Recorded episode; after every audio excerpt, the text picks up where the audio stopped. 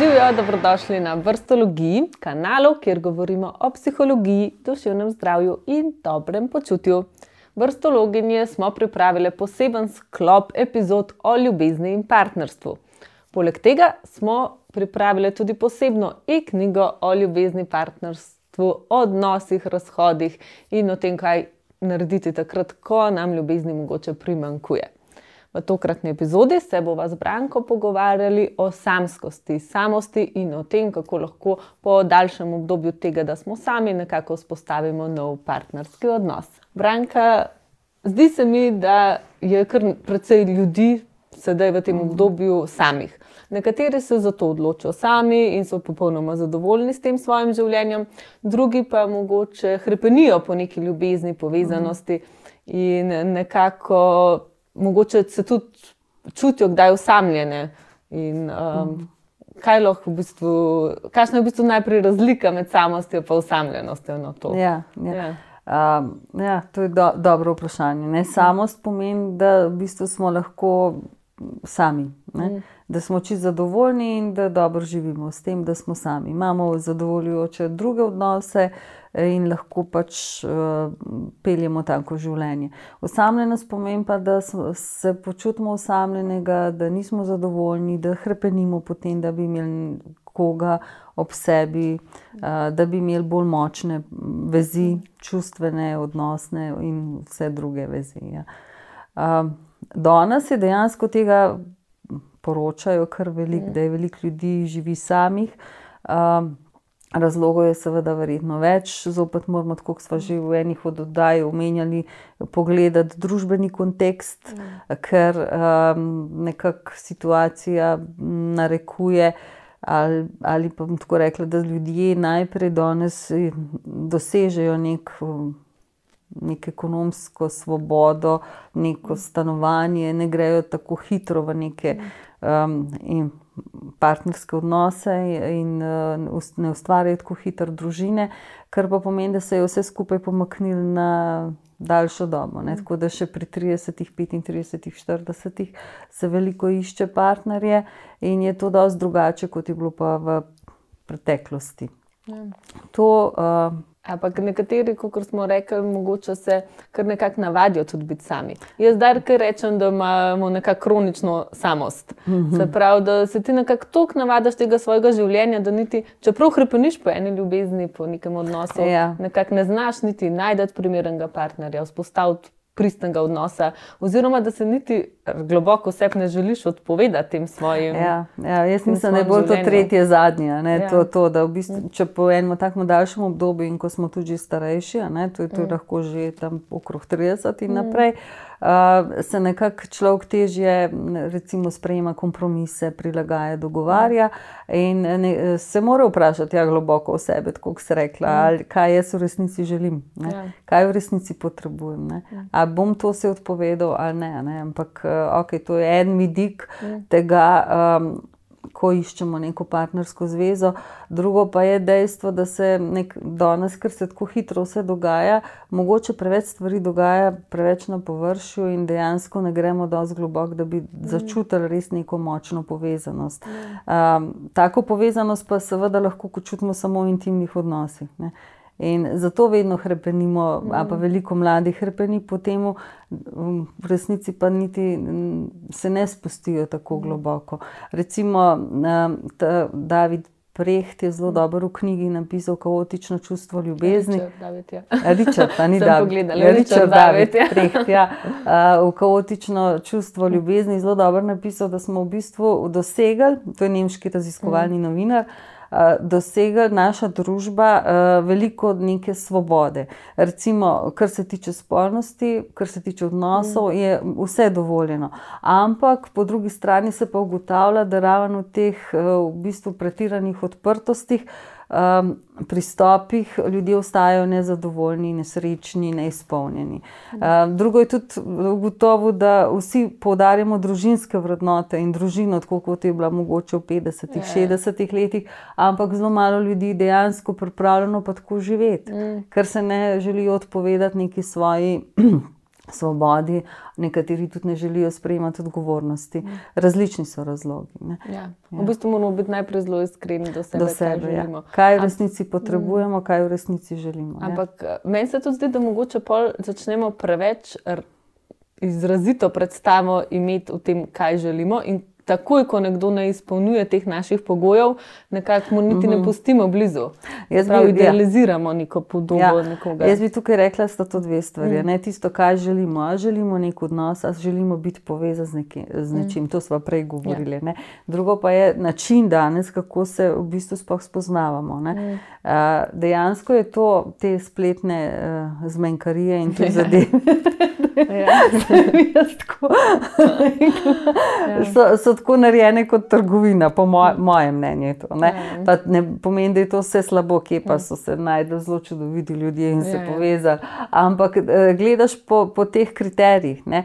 Eh, šele potem spoznaš človeka. Ne? Včasih ali pa drug način je pa, da najprej ga spoznaš, začutiš energijo, potem pa greš lastnosti Ja, ja, ja. spoznavati. Ne? In je malo drugačna. Seveda, to je tudi ena značilnost sodobnega časa, da danes je v bistvu ogromno ljudi na voljo, ogromno socialnih omrežij, kjer lahko uh, vse so, sorte zadeve potekajo, in je tudi veliko več na prvi pogled možnosti. Ja.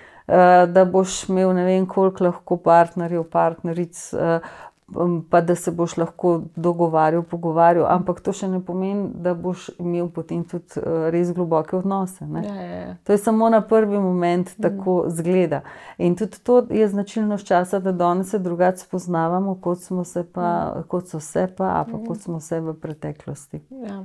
Pa ja, tako kot si omenila, ni nujno zdaj slabo to, da ima te spletne zmanjkarije. Lahko Ne, v bistvu ne, po eni strani že vnaprej vidimo neke interese nekoga mm. in vidimo, na kakšen nam ustreza. Mm. Je pa res, da mogoče opažam, da nekih teh pristnih stikov, um, teh fizičnih, mogoče še posebej mlajše generacije ne znajo več vzpostavljati, oziroma imajo z njim težave. Mm. Naprimer, že s temi intimnimi odnosi, s pogledovanjem, uh, z Mogoče, pristopanjem drug do drugega, Ja. z navezovanjem stikov. ne. Um, zdaj ne vem. Kako bo Ali to ja. vplivalo na družbo, ali to, kaj vpliva na odnose, ampak so to neka opažanja, ki Seveda. jih tudi. uh, Seveda, se tudi ta današnja eh, pandemija ne, ni raven Ja. v prid temu, kar ti sva zdaj govoriva. Um, bo še več šlo, verjetno, na splet, ne, in še več stvari na online se dogajalo. Uh, so, so seveda, kar se tiče partnerskega odnosa in povezanosti in občutka intimnosti, niso raven take spodbudne, spodbudne zadeve, pa spodbudni pristop. Ne. Ja, ampak kaj pa, ker recimo se mi odločimo, da pa ugotovimo, da res si želimo neke intimnosti, partnerskega odnosa, mm. kako lahko naredimo, da se nekako bolj odpremo, a, kako, kako bi rekla, da smo bolj pripravljeni. Mm. Vse Ja, uh, ja, da se bolj odpremo. Seveda, dobro je, da imamo mogoče kje druge kakšne odnose. Ne? Zdaj težje je tam, ker tudi nekdo nima niti prijateljskih odnosov. A, tako da lahko začnemo m, vsaj se povezovati. Komunicirati in tukaj tudi ni nič narobe socialna omrežja. Ja, ja. So tudi tukaj lahko do, dober pripomoček, da se mi začne, začenjamo odpirati, ne?